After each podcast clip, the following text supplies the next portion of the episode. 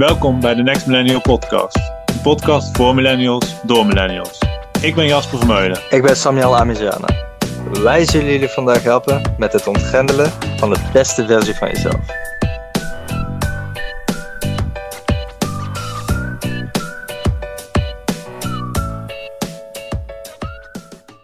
En hier zijn we weer met de Next Millennial Podcast. Welkom luisteraars en Mien. Ehm, we gaan het vandaag hebben over coaching met uh, Mien Gijsens. En uh, zij stond onder andere in. Uh, ze, is, ze is Belgisch. Ehm, en ehm, ze stond onder andere in Marie Claire. Een, een, een, magazine is dat, geloof ik, in België, Mien? Klopt, klopt. Ik heb er wel vaker van gehoord. Het is een mooie, mooie plek om genoemd te worden, denk ik. ja, dus we gaan het hebben over wat coaching inhoudt, wat je, hoe jij het ervaart, wat voor uh, rare mensen je meemaakt, of juist hele leuke mensen, ambitieuze mensen. Super. Uh, ja, kun je, een, stuk, kun je een beetje vertellen over wie je bent? Zeker.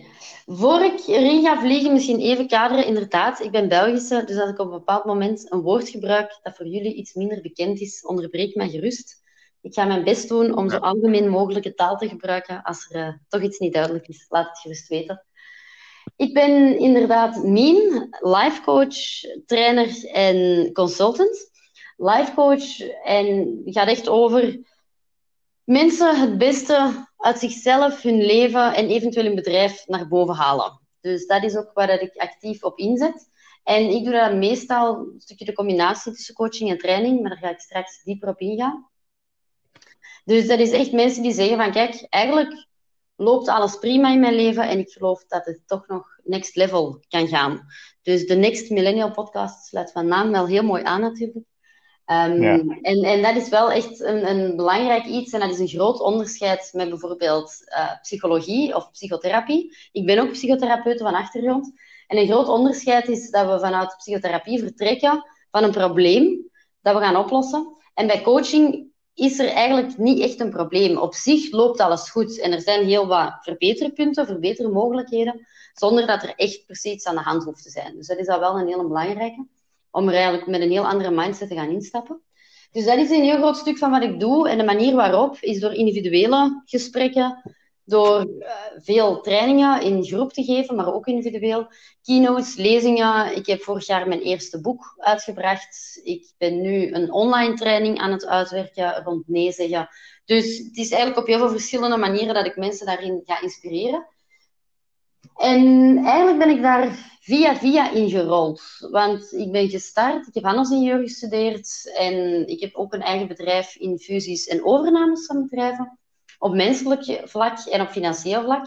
En ik ben daarmee begonnen vanuit het financiële standpunt, om dan te merken hoe een gebrek daar is aan menselijke begeleiding. En ben ik mij daar een stuk verder in gaan verdiepen. En ik vond dat dan zo boeiend dat ik daarin ben blijven hangen. En dat is ondertussen coaching en training het hoofdonderdeel van mijn uh, professionele stuk is geworden. Omdat ik dat dus ontzettend boeiend vind. En ik ben zelf iemand die heel leerrijk en nieuwsgierig van aard is. Heel leergierig bedoel ik ongelooflijk graag. Ik lees heel graag boeken. Ik, ik ben nieuwsgierig, dus ik stel ook gewoon van nature uit heel veel vragen aan mensen. En dat is natuurlijk ook wat een coach doet, is vragen gaan stellen die iemand zichzelf niet stelt. En die vrienden hoogstwaarschijnlijk ook niet gaan stellen. Want dat is natuurlijk wel al, al een ontzettend belangrijk iets. Als coach gaan we echt spiegelen, linken leggen, gaan confronteren, op een heel respectvolle manier natuurlijk. En dat onderscheidt het ook van een cafépraatje met vrienden.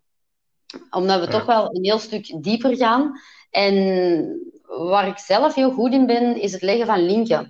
Dus als iemand in het begin van het gesprek iets aanhaalt, kan ik daar heel makkelijk op het einde van het gesprek naar terug gaan en zeggen: Oh, maar wacht, daar zeg je dat en nu zeg je dit. Hoe kunnen we die twee gaan rijmen met elkaar? Dat is zo uh, iets wat, wat wel heel vaak gebeurt.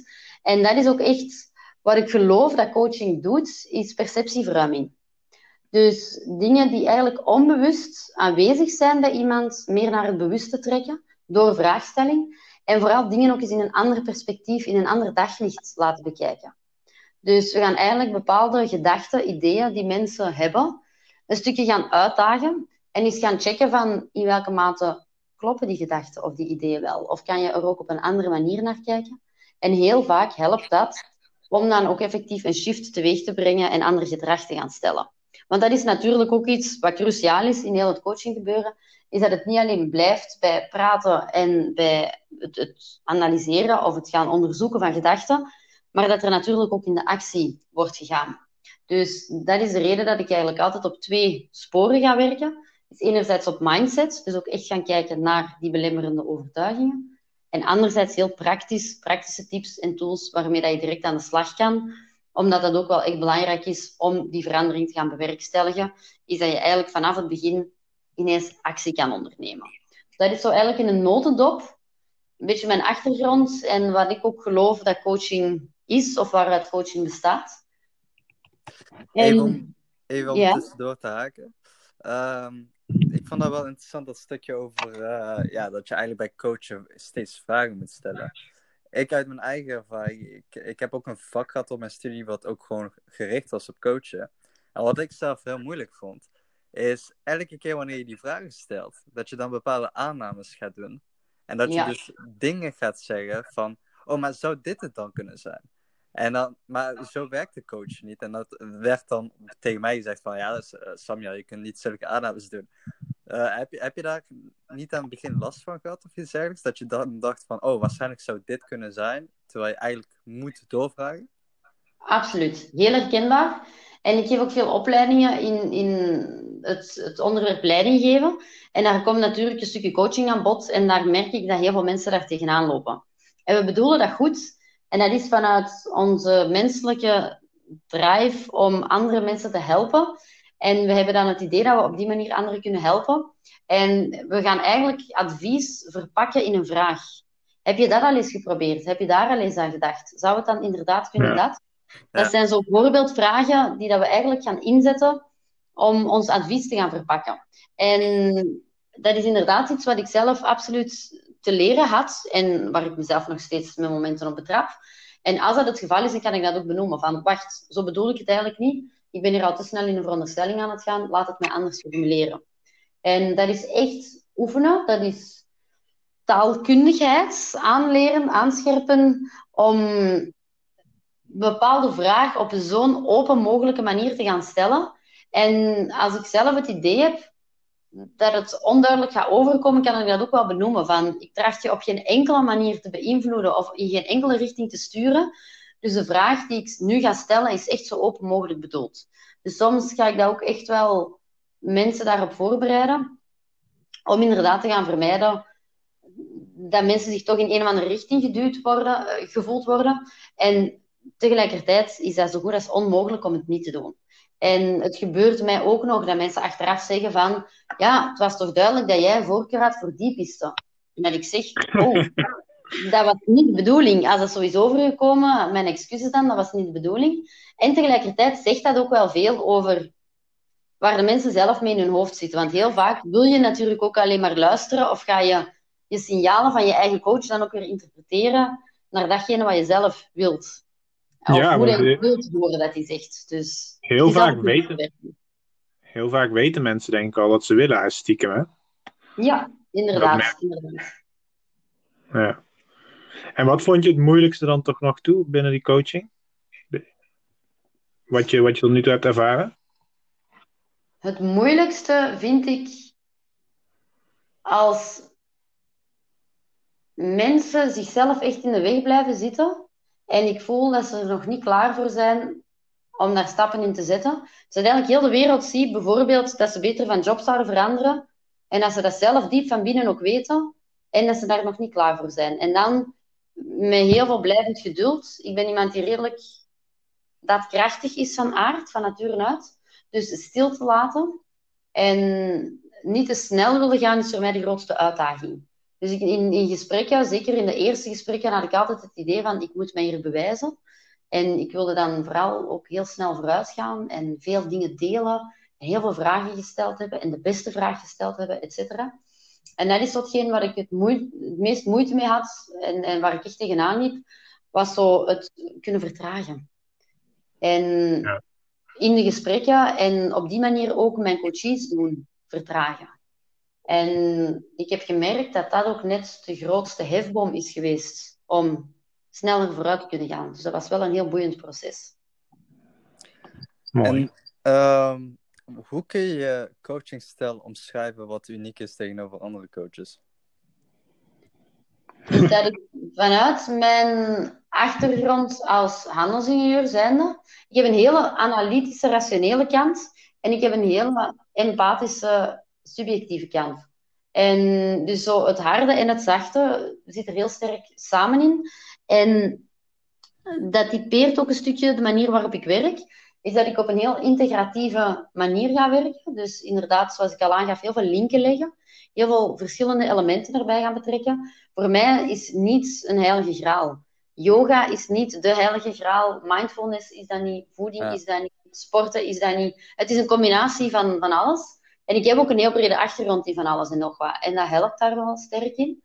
En wat ik terugkrijg van mensen, is dat ze vinden dat ik ontzettend ja, heel sterk aanwezig echt kan zijn. En echt heel sterk gefocust op hun verhaal, op, op hun context en situatie. En daarbij op een heel liefdevolle manier kan spiegelen. Dus dat ik wel, ik durf hard zijn op een zachte manier. Ja. Ja. En dat is wel kunst, ja. Ja, en, en dat is wat heel veel mensen nodig hebben. Om zo wel eens even de feiten onder ogen te zien. Mm, op een manier van waaruit dat ze voelen van oké, dit dit, dit gebeurt uit met respect en dit gebeurt echt vanuit zorg naar mij toe. Dit gebeurt niet vanuit een frustratie of vanuit een discussie. Dit wordt hier gezegd vanuit echt het beste met mij voor hebben. En dat is wel iets wat veel mensen voelen, ervaren en ook nodig hebben om dan op een bepaald moment in verandering te kunnen gaan. En vroeger had ik zo het idee, uh, tijdens een van mijn opleidingen heeft uh, een van de coaches eens gezegd, en, um, uw coachie hoeft niet tevreden buiten te stappen. En ik, vond, ik was echt verbouwereerd. Ik had echt het idee van, jawel, je moet toch blij zijn dat hij geweest is en je moet toch tevreden buiten stappen. En Uite toen... Wat weet Uiteindelijk wel, denk ik toch? Maar misschien niet bij een afzonderlijk consult. Inderdaad. En dat is wat er ook heel vaak gebeurt. Is dat op het moment zelf mensen in de emoties schieten. En dat kan zijn teleurgesteld, gefrustreerd, boos. Heel veel, een grote range aan emoties. Heel vaak is het pas achteraf dat dingen beginnen in te zakken. En soms zelfs dat mensen jaren nadien zeggen... Mien, wat je mij toen hebt gezegd, ik was er niet klaar voor om dat te horen. Maar mijn kwartje is zoveel jaren later gevallen en bedankt daarvoor. En zo, dat is waar het inderdaad over gaat. En daar had ik in het begin wel veel moeite mee, om zo om te gaan met die heel sterke emoties en mij daardoor niet uit het lood te laten slaan. En dan had ik zo heel snel het idee van, ik moet mij hier gaan aanpassen aan mijn coachie, terwijl ik nu veel objectiever voor mezelf kan zeggen van, dit is een goed coachinggesprek geweest, langs mijn kant. En dat ik, dat ik daar veel sterker kan bijblijven, ook al is die coachie misschien kwaad naar buiten gewandeld of zo. En uh, wat ze, je, je geeft lifestyle coaching, dus ik zag, uh, ik zag op je website staan dat, uh, dat je kunt, dat je als je denkt van is dit het nu, veranderen naar ja, dit is het. Mm -hmm. Hoe, hoe uh, mensen die er nog steeds over twijfelen om daar een coach te benaderen of überhaupt te vertellen tegen mensen wat tegen, die ze als mental zouden kunnen zien, dat ze zo zitten met van ja, is dit het nu? Maar hoe zou, wat zou je die mensen vertellen om toch over te halen en toch hulp te zoeken? Dat klinkt misschien heel heftig, maar toch iets van een mentor of zo te raadplegen. Ja, is twee dingen. Enerzijds, zo, je kan het allemaal zelf. Dat geloof ik ook echt. Dat mensen een coach niet nodig hebben. Alleen gaat het ontzettend veel langer duren. Dus ik geloof dat dankzij coaching dat je gewoon veel grotere stappen voorwaarts kan maken. En dat ik denk dat het een, ik denk dat het een beetje hetzelfde is als een uh, personal trainer in de gym. Ik denk, uh, ja. Uh, als, je hoeft technisch gezien hoeft niet een personal trainer te hebben, maar heel veel mensen hebben er gewoon heel veel baat bij om een personal trainer te hebben. Dat is, ja, ik denk dat het een beetje hetzelfde is, denk ik. Klopt, heel herkenbaar. En het, het, het maakt het jezelf gewoon makkelijker. Je kan sneller vooruitgang merken. Je maakt grotere sprongen voorwaarts. En het geeft ook veel meer voldoening omdat je echt voelt van, ik ben hier iets aan het aanpakken. Ik ben ermee bezig. Ik heb het in handen. In, in de plaats van alles op je af te laten komen. Dus dat, dat geeft sowieso al veel voldoening om ermee bezig te zijn. En twee... Oh, dan gaan we verder. Ja, zeg maar. Ja, ik, ik, ik wilde zeggen van, ja, het scheelt veel tijd, heel veel mentale energie en ja, buiten dat natuurlijk. Ja, en um, het is ook zo, natuurlijk, iemand, een van mijn coaches over de laatste tijd zei ook nog heel mooi. Ze zei, Mien, ik heb zo het gevoel dat ik al een aantal jaren op een padje aan het wandelen was. En jij hebt nu, mij nu een keer in de beek geduwd. En ik was daar voor eerst heel kwaad. Maar het is door die beek dat ik heb gezien dat er naast die beek eigenlijk een veel mooiere weg is waar ik op wil wandelen. En daar zit ik nu. En eh, dat, ik vond dat wel een heel mooie metafoor. Want dat is ook hoe het vaak gebeurt. Hè. We zitten vast in ons eigen hoofd. En als we elke keer met onszelf daarmee aan de slag gaan, lopen we rondjes. En gaan we dezelfde cirkelredeneringen maken, gaan we dezelfde blinde vlekken blijven voeden. En gaan we vooral die, die neurale paden, dus die gedachten, nog, nog heel sterk gaan uitvergroten en nog gaan versterken. En je hebt al heel diepe, waardevolle vriendschappen nodig. En natuurlijk heel wat tijd om daar dan echt met vrienden eens op een andere manier over te praten. Want we doen dat dan toch vaak vanuit ons eigen model van de wereld en iets dergelijks. En dat is het voordeel van een coach, dat hij echt vanuit een heel neutrale manier de dingen eens in perspectief gaat plaatsen. En die heeft daar geen baat bij om u in eender welke richting te laten denken. Dus dat is echt op een heel open manier. En het zorgt ervoor dat je je blinde vlekken kan leren zien. En dat zorgt er tegelijkertijd ook voor dat coaching natuurlijk heel confronterend kan zijn. En dat is ook wel iets wat sommige mensen daarin afschrikt, omdat ze voelen dat ze daar nog niet klaar voor zijn of dat ze niet de bereidheid hebben om daar effectief mee aan de slag te gaan. Want dat is zoals. Ik heb ooit een boek gelezen en daarin stond: Ben je zeker dat je dit boek wil lezen? Want eens dat je het weet, kan je het niet, niet meer weten. Ja, die heb ik ook ooit gehad. Ja. ja, en dan wordt er zo verwacht om er dan ook iets mee te doen. En dan is natuurlijk met coaching een beetje hetzelfde. Het is zonde om in coaching bepaalde inzichten op te doen en er dan niets mee te doen. Dus het verwacht ook wel van jezelf de bereidheid en de daadkracht om dan ook effectief je gedrag te gaan aanpakken en in de actie te gaan. En dat is gewoon iets waar niet iedereen klaar voor is. En dat kan ook tijd nodig hebben om je daarop voor te brengen. Ik heb zelf ook wel, uh, Samuel en ik doen allebei ook wel wat uh, zelfontwikkeling. En ik heb zelf ook wel van boeken gelezen, inderdaad. En dan begin je daaraan, of je doet zo'n uh, zo'n coaching, inderdaad. En als je dan van die oefeningen krijgt, ik voel me dan ook echt schuldig als ik er niet mee begin. Dat ik zo denk van ja, ik ben hier nou aan begonnen, dan moet ik dit ook gewoon gaan doen. Tenzij, je, bewust, tenzij je bewust kiest van ja, dit is niet voor mij. Maar als je weet van binnen dat het wel goed is voor je, en je gaat het niet doen, dan, ja, dan voel ik me gewoon echt schuldig. Ik weet niet of jullie dat ook hebben. En dan is het vaak beter om het boek gewoon niet te lezen.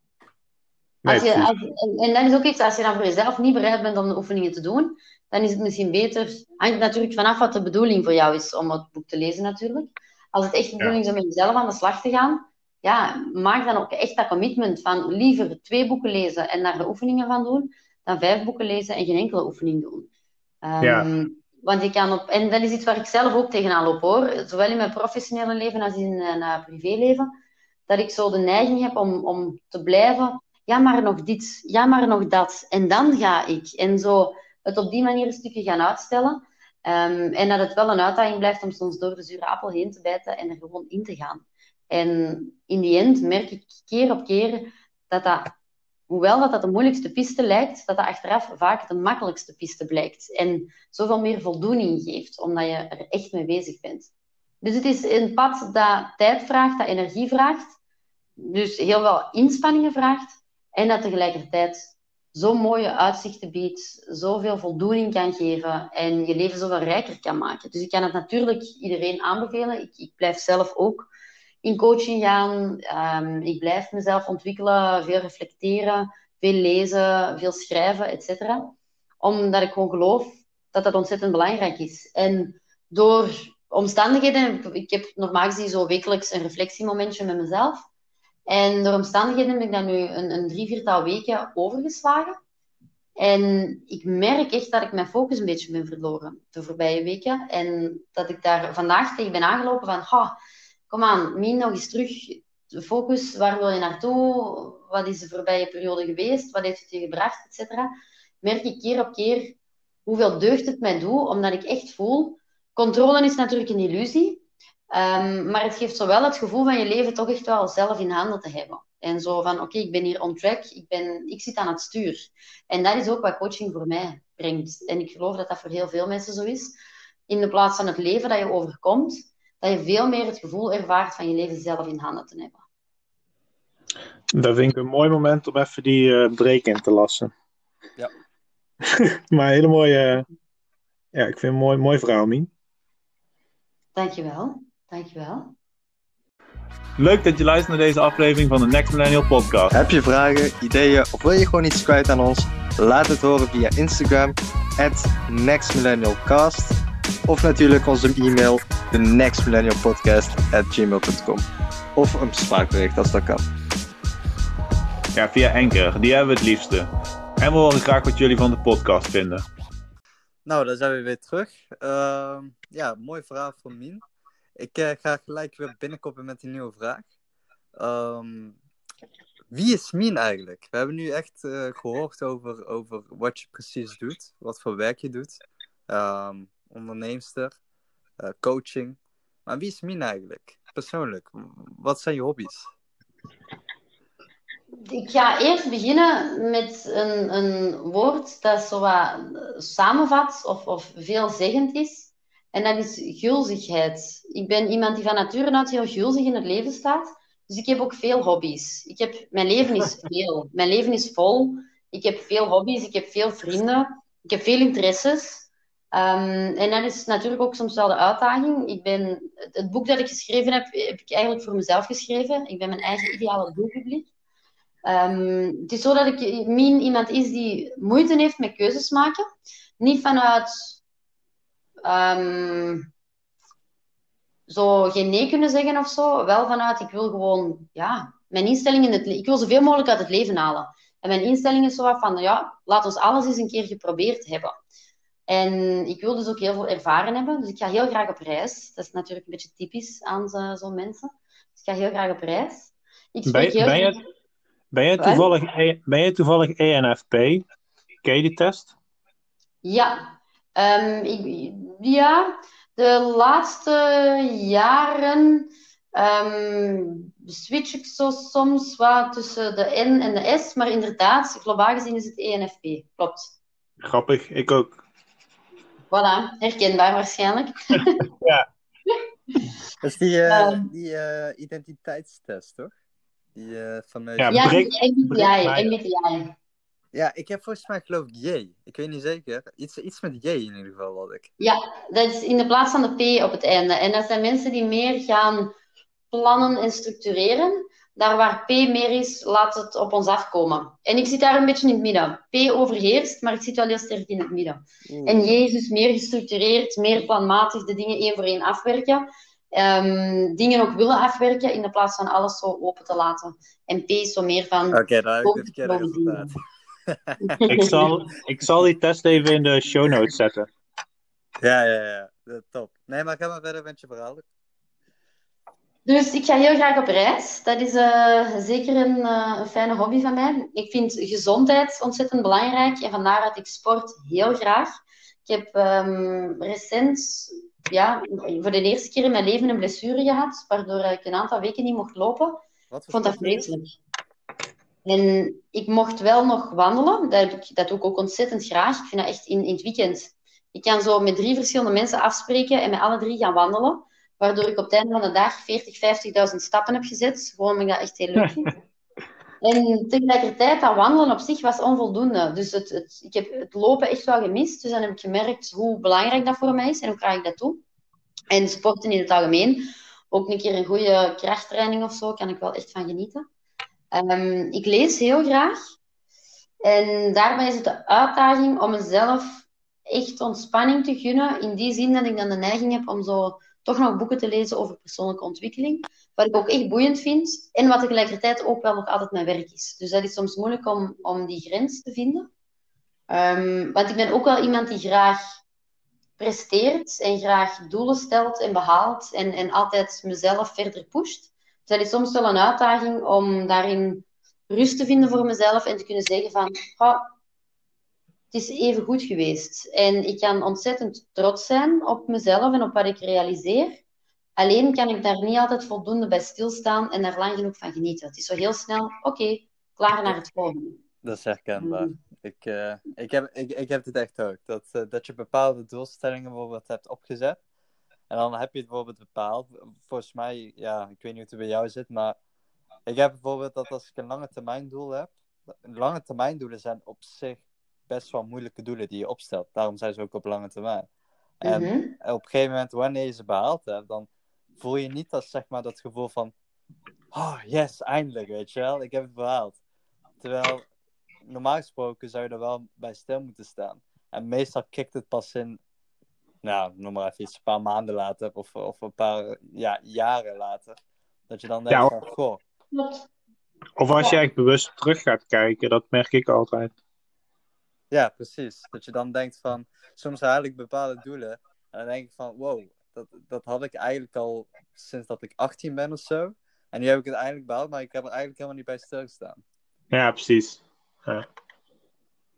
ja, dat is heel herkenbaar. En um, wat ik daarin ook merk, is dat het, of, of door op die manier daar meer naar te kijken, merk ik zo echt het, het stuk van, uh, ja, it's in the journey, um, not in uh, the destination, merk ik dat ook wel meer en meer. Zo, als ik aan mijn boek aan het schrijven was, de momenten dat ik daaraan aan het schrijven was, ook al vond ik dat niet altijd leuk om te doen, hebben mij in die end veel meer voldoening gegeven dan het moment dat ik mijn, mijn boek in handen had.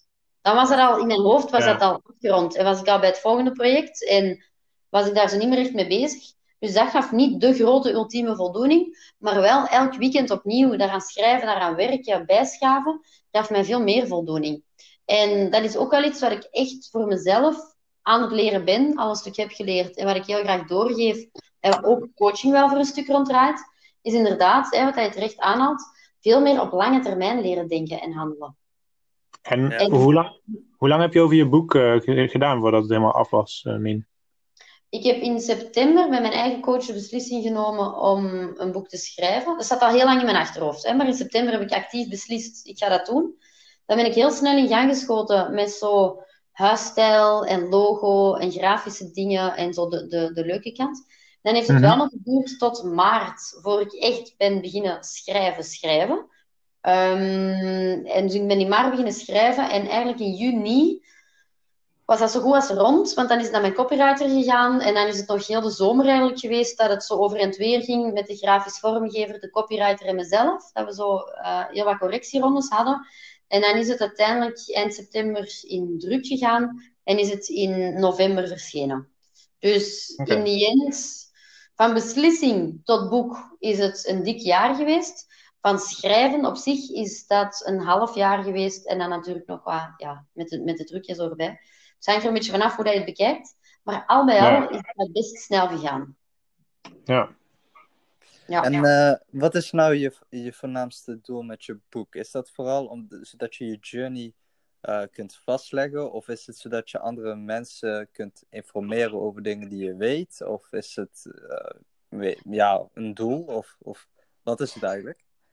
De grootste doelstelling van het boek is om mensen te doen nadenken. En mensen echt aan het denken te zetten. Ik geloof, het heet Jouw jaar vol aandacht. En ik geloof dat we veel te veel op automatische piloot door het leven gaan. En gewoon maar blijven gaan. We staan s morgens op, we bekijken onze agenda, onze to-do-lijst. We gaan daarmee aan de slag, we komen thuis, we gaan slapen en de dag begint opnieuw. En we staan eigenlijk heel weinig stil bij, wat wil ik nu eigenlijk? Waar wil ik nu echt naartoe? Ja. We leven maar door, we doen maar door, we leven van weekend tot weekend, van vakantie tot vakantie. En elk jaar schuiven die goede voornemens weer op, die dromen schuiven op, want ooit zal ik wel eens, maar ooit begint vandaag. Als je het vandaag niet gaat aanpakken, dan gaat het niet gebeuren. En de uitnodiging is dus echt om mensen aan het denken te zetten. Dus ik stel ook heel veel verschillende vragen. En het boek is, het heet Jouw jaar vol. En het is opgebouwd uit twaalf hoofdstukken. Omdat er natuurlijk twaalf maanden in een jaar zijn. En dat zijn eigenlijk twaalf verschillende kapstokken of ingangen die ik gebruik om jezelf beter te leren kennen en te ontdekken wat dat je wilt en waar dat je naartoe wilt meeleven. En natuurlijk om van daaruit dan ook in de actie te gaan. In dit eerste boek is het echt wel de focus op het stukje werken met waarden ook, van wat vind ik belangrijk, wat is er voor mij belangrijk. En wanneer gaat mijn leven geslaagd zijn? En wat is geslaagd dan? Hè? Want dat is voor iedereen anders. Maar zo wanneer ga ik met een tevreden gevoel kunnen terugkijken op mijn leven?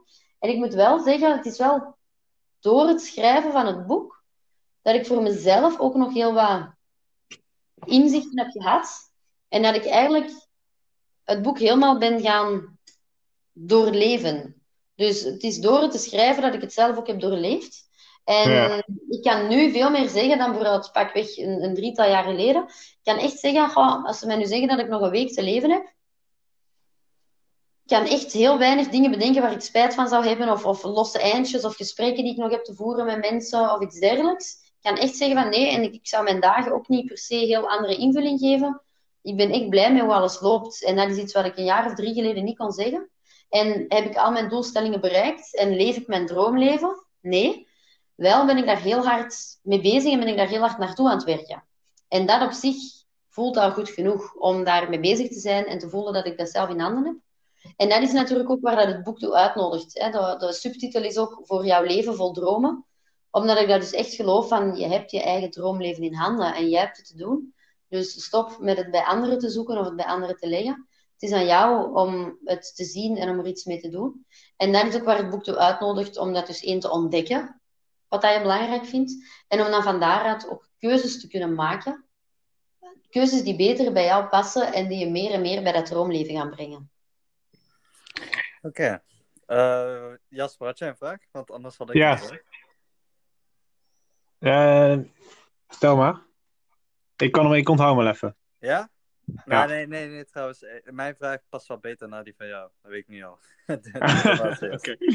Uh, ik vroeg me af, Mien, wat, uh, wat vond jij het confronterendste voor jezelf tot nog toe? Sinds dat je bent gestart met het uh, eigen ondernemen en uh, boekschrijven. Eigenlijk, eigenlijk alles ja, wat je zelf hebt opgezet, zeg maar.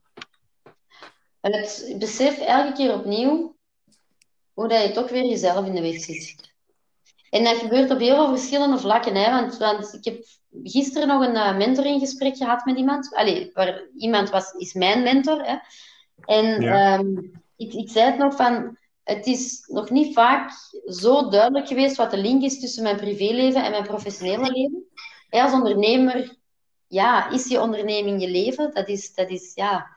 Um, en het confronterendste daarin voor mij is, elke keer als ik tegen iets aanloop professioneel, dat daar toch een privéstuk onder zit dat ik bij mezelf verder te onderzoeken heb en iets mee te doen heb. Dus, en dat is elke keer tegelijkertijd ook weer een bevestiging van wat ik doe natuurlijk, omdat ik dat ook echt wel geloof dat je het zelf in handen hebt. En tegelijkertijd is dat ook wel, ja, blijft dat vaak confronterend. Hè? Zo van, ga, doe maar, hoe heb ik mezelf hier weer gesaboteerd? Of, um, ja, ik moet eigenlijk gewoon nog terug eens wat meer in de spiegel kijken of iets dergelijks. Dat is vaak wel het meest confronterende, zo vind ik persoonlijk. Of zo, ja, besef dat je weer tegen dezelfde dingen bent aangelopen, weer dezelfde onderwerpen aanhaalt als drie jaar geleden. En je merkt dan wel dat je gegroeid bent. En tegelijkertijd blijft daar zo'n groot stuk zitten. En dat is ook zoiets, het logo van mijn boek is een lemniscaat. Dat is het wiskundige oneindigheidsteken. Omdat ik ook echt geloof dat persoonlijke ontwikkeling, dat is iets voor het leven. Dat is niet iets dat je kan afvinken en kan zeggen, klaar. Um, um, tegelijkertijd is dat ook zo een van de meest confronterende dingen. Het besef van, dit stopt nooit. En ik ga altijd tegen dingen blijven aanlopen. En net zoals dat in een huishouden, dat je altijd van voren af aan begint en je vindt daar een routine in en dat gaat altijd wel sneller om je was te doen en te strijken en dergelijke. En tegelijkertijd, ja, het blijft wel altijd opnieuw komen. En dat is met persoonlijke ontwikkeling ook zo. En met momenten vind ik dat ontzettend boeiend. En met momenten vind ik dat ontzettend vermoeiend. En denk ik, oh, het leven is misschien toch makkelijker als je je niet bewust bent. Um, dat heb ik zo vaak ook gedacht. Ja, en tegelijkertijd denk ik dan, ja, het zou misschien makkelijker zijn. Ik weet niet of dat het evenveel voldoening zou geven. Want het geeft mij nu wel ontzettend veel voldoening om echt aan dat droomleven te bouwen en om mijn eigen leven in handen te hebben. Dus dat is een beetje, ja, de bloed met de buil zeker. Ik weet niet of jullie dat zo zeggen in Nederland. Um, nee, maar het klinkt wel logisch. voilà, voilà. Uh, en, en tot slot, een laatste stuk. Um, laten we een scenario schetsen. Je bent straks uh, eh, 75 jaar oud, 70 jaar oud. Mooie leeftijd. Kijk je terug op je, op je leven. Waar ben je dan het meest trots op? Of waar wil je het meest trots op zijn? Dat zijn twee verschillende vragen. Ja. Um, de eerste vraag van waar ben je het meest trots op? Heeft te maken met dat ik best op een jonge leeftijd daar allemaal mee begonnen ben. En um, met persoonlijke ontwikkeling bedoel ik dan. En dat ik echt wel al van redelijk jong kan zeggen dat ik heel actief gestreefd heb om mijn eigen leven zoveel mogelijk in handen te hebben. En zo, ik, ik, ik heb absoluut geen slachtoffersmentaliteit. Dus ik ga niet snel zeggen van, oh, waarom is mij dit overkomen? Of waarom ik? Of dat, ik denk zelfs niet dat ik dat ooit echt al gedacht heb in mijn leven. En dat is eigenlijk wel iets waar ik best trots op ben. Dat ik op die manier wel veerkrachtig en energiek in het leven sta. Heel enthousiast in het leven sta. Dat is wel iets waar ik heel blij mee ben. Um, en ik kan zo, en dat typeert dat een beetje. Ik, ik hou van dankbaarheidsoefeningen. En als ik zo dankbaar ben rond iets, dan kan ik mezelf dankbaar zijn dat ik dat heb opgemerkt. Voordat als ik nu zou zeggen, ik kijk naar buiten, het is een mooie zonsondergang, en ik zeg, amai, ben er eigenlijk wel dankbaar voor dat ik zo'n mooie zonsondergang kan zien. Dan het besef van, oh, en nu ben ik mezelf dankbaar dat ik dat opmerk en dat ik daar dus dankbaar voor ben. En dat wordt een visieuze cirkel. En dat is wel iets waar ik gewoon heel goed in ben. Um, om alles te zien als een leerkans en te zien van wat, wat brengt dit mij in het leven. Um, dus dat is wel iets waar ik trots op ben. Iets waar ik trots nog meer op zou willen zijn, hè, als ik 75 ben, is um, dat er nog een verschil is tussen het weten en het doen. En dat is dat ik mij soms nog, of, best regelmatig, toch nog ook wel te veel aantrek van um, de ideeën en meningen van anderen. Dat is al heel sterk geminderd. Maar zo het is één ding om te weten waar dat je naartoe wil. Um, en het is een tweede ding om daar echt resoluut, voluit, radicaal voor te kiezen. En ik doe dat op veel vlakken. Het lastigste vind ik dat naar andere mensen toe, als het echt andere mensen gaat impacteren en, en dat je misschien andere mensen onbewust of op een bepaalde manier onbedoeld gaat afwijzen of iets dergelijks. Dat vind ik vaak nog een hele lastige. En dat is iets waar ik nog meer trots op wil zijn. En ik bedoel daarmee niet dat ik een hard persoon wil worden die egoïstisch is en alleen aan zichzelf denkt. Um, maar dat ik wel echt resoluut ja, kan kiezen voor datgene wat voor mij belangrijk is. Um, En dus op, wel op een heel respectvolle, zorgende manier in samenleving met anderen natuurlijk. Hè. Dat, dat vind ik wel de basis. verbinding is voor mij ook een van mijn topwaarden. Dus ik wil altijd in verbinding staan met anderen. Dus dat mag zeker uh, niet ontbreken. Um, en vrijheid is een beetje contradictorisch, maar is ook een heel belangrijke waarde voor mij. En dat is iets waar ik echt uh, trots op wil kunnen zijn, en, en ook al wel een stuk ben, is om echt te bouwen naar die mindset van vrijheid. Want vrijheid zit veel meer in je hoofd dan dat dat in, in iets of wat in de praktijk zit. En dat is wel iets waar ik um, nog meer trots op wil kunnen zijn, om echt te kunnen zeggen van, in mijn hoofd ben ik echt vrij en kies ik voor vrijheid. Mooi, ja. mooi verhaal. Ja, Jasper, uh, heb je nog een vraag toevallig? Of moeten we het afsluiten? Wat denk je? Ik moest, ik moest nog even uh, verwerken. je moest het verwerken. Ik vond het een tof verhaal in ieder geval. Ja, zeker. Uh, ja, ik vroeg me nog wel af, aangezien jij ook een, een ENFP was. Ik, ik, ik merk bij mezelf dat het, alles is leuk en interessant in deze wereld. Um, en daardoor maakt dat maakt het wel moeilijk om een lange termijn focus aan te houden. Hoe, wat is jouw ezelsbruggetje daarvoor? Is dat ik, ik heb uh, mijn top 10 waarden, die ik uh, dus heel belangrijk vind. Die volgorde in die top 10 die wisselt nog wel wat met momenten, dat, dat maakt ook niet zoveel uit. Maar op zich ligt die top 10 wel redelijk vast. En ik heb die op een kaartje geschreven. En elke morgen lees ik dat kaartje. Heel bewust, heel aandachtig om op die manier gefocust te blijven op mijn waarden en op wat er voor mij belangrijk is.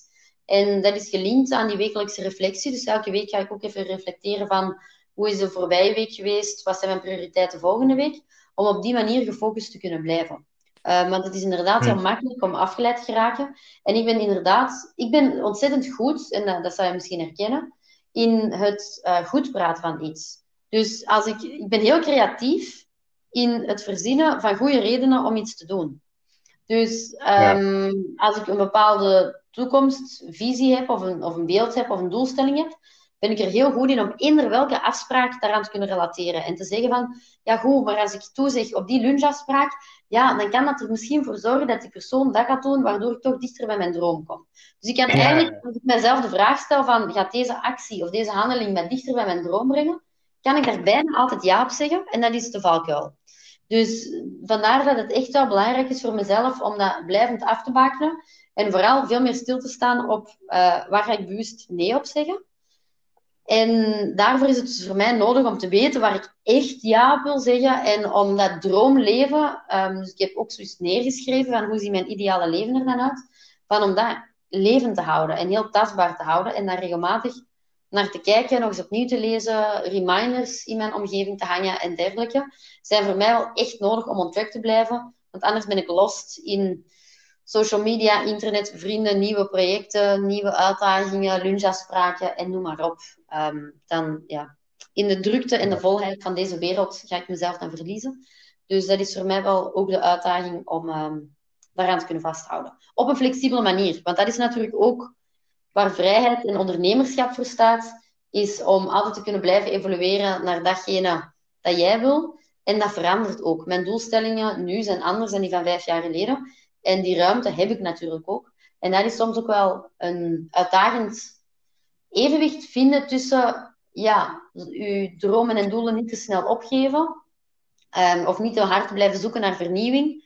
En tegelijkertijd ook wel die flexibiliteit behouden om te gaan voor datgene wat dat je op dat moment interesseert en wat je op dat moment ligt. Dus dat, uh, ja, ja dat vind ik dat is een mooie tip ook voor, uh, voor, andere, voor luisteraars die dat herkennen. Um, wij sluiten altijd af met een, uh, met een boekentip. Uh, heb jij een boekentip met uitzondering van je eigen boek natuurlijk? Ja, uiteraard, uiteraard. Hè. Um, een boek dat mij heel sterk is uh, bijgebleven is The One Thing van Gary Keller. Oh dus ja, die is goed. Het ene ding van Gary Keller. En uh, in mijn boek citeer ik daar ook een aantal keer uit. Ik vind het echt, heeft mij van begin tot eind eigenlijk echt, uh, ja, heb ik mij daarin vastgebeten en vond ik dat ongelooflijk boeiend. Um, en ja. het blijft een uitdaging voor mij, want het gaat echt kijken naar wat is nu echt het ene ding waar jij je op richt. En dat gaat over wat is het ene ding wat je over tien jaar bereikt wilt hebben en wat is het ene ding dat je binnen dit en een uur wil klaargespeeld hebben. Um, het is ontzettend boeiend en blijft wel voor mezelf een leerschool. Dus het is een boek dat ik regelmatig ook nog wel eens opnieuw vastneem. En ik, ja, ik heb daar gewaarschuwd, ik ben iemand die moeilijke keuzes kan maken. Het boek Werk van Carl Newport vind ik ook ongelooflijk, uh, ja, is ook echt een absolute aanrader. Dus Diep Werk van Carl Newport is ook echt een, uh, een aanrader. Ja, top. Uh, en wa waar gaat hij precies over, dat laatste boek? dat is, op zich zegt het een beetje zelf, hè, diep werk, van hoe kan ik echt gefocust werken, veel productiever werken in een wereld vol afleiding. Het is geen time management boek met allemaal tips en dergelijke wel van wat is nu het concept van diep werken en, en hoe kan ik lange uren aan een stuk, dagen aan een stuk geconcentreerd doorwerken aan iets zonder afgeleid te raken door alle andere ruis dat in deze wereld bestaat. Oké. Okay. Nou, zijn, allebei, zijn allebei echt topboeken. Ik heb ze ook gelezen. En die laatste ook recent. Het, is echt, eh, het gaat allebei eigenlijk wel over het behouden van je focus. Ja. Ja. Maar de One Thing meer op, op lange termijn eigenlijk, naar mijn idee. Ja, het is een andere invulling. Het gaat inderdaad ja, over focus. Het een is meer praktisch gericht van het werken en het andere is meer naar een mindset van waar wil, waar wil je je op richten, waar wil je op focussen. Ja. En het tweede boek is dan meer van hoe doe je dat dan? Dat is eigenlijk een beetje het, eh, het, onderscheid. Ja. En uh, ja, om het even af te sluiten, we promoten graag onze gasten. Dus uh, heb je bepaalde social media kanalen of websites waar onze luisteraars jou kunnen vinden? Zeker. Ik ben vooral actief op Instagram. Daar uh, deel ik onder jouw jaar vol aandacht heel veel tips, vragen en geef ik jou een uh, voorsmaakje van wat dat mijn boek inhoudt. Dus dat is echt gericht op het boek. En dan heb ik nog het account livegoal.academy.be. En daarin ga ik veel meer um, minder dingen in vraag stellen, meer zo motivational quotes en dergelijke. En het is ook van daaruit dat ik uh, de online trainingen geef. Dus dat is de Live Goal Academy. Het is van daaruit dat ik dus de online trainingen geef waar dat de eerste training eruit bestaat om te leren nee zeggen. Saying no like a pro. Het is een heel actueel thema en het kan nog lang actueel blijven. En het sluit natuurlijk ook heel mooi aan bij deze podcast. Als we het hebben over focus behouden en dergelijke, dan is kunnen nee zeggen natuurlijk uh, onmisbaar. En daarover is meer informatie te vinden allemaal op die twee accounts op Instagram. Dat is eigenlijk het kanaal waarop dat ik het meest actief ben. Of dat mensen mij het makkelijkst kunnen bereiken als ze iets anders willen weten of zo. Oké, mooi. Um, ja, dan zullen we de podcast afsluiten. Ik wil in ieder geval jou hartelijk danken voor je tijd. En uh, ja, het was heel leerzaam. Met ja, heel veel plezier. Jullie hetzelfde. Ik vond het heel leuk om te doen. Het is altijd boeiend. Het is uh, mijn passie, dus ik uh, spreek daar heel graag over. Dus het is met heel veel plezier. Ik vind het heel fijn dat jullie daarvoor openstaan en dat daar interesse en ruimte voor is. Ik kan dat alleen maar ja. aanbieden, natuurlijk. Ja, en onze luisteraars die, gaan, die boeken nou natuurlijk allemaal zo'n zo'n consult bij jou. Absoluut, absoluut, heel welkom. Het kan, corona heeft bewezen dat we dat allemaal online kunnen doen, dus uh, dat is geen enkel probleem. Ja. ja, mooi. Top, dankjewel. Jullie ook. Nog heel veel uh, plezier geweest met het verdere verloop van de podcast. En ik ga met heel veel plezier naar de volgende edities ook luisteren. Ja, dat top. is mooi om te horen. Goed om te horen, ja. Nou, fijne avond in ieder geval. Bedankt. Dit was de aflevering weer voor vandaag met je periodieke portie inspiratie. Dankjewel voor het luisteren. Laat een review achter op Instagram, volg onze Spotify en andere podcast apps. Heb je vragen of heb je een verhaal over persoonlijke ontwikkeling voor de Next Millennial Podcast? DM ons op Instagram of de Next Millennial at gmail.com. En dan graag tot de volgende keer.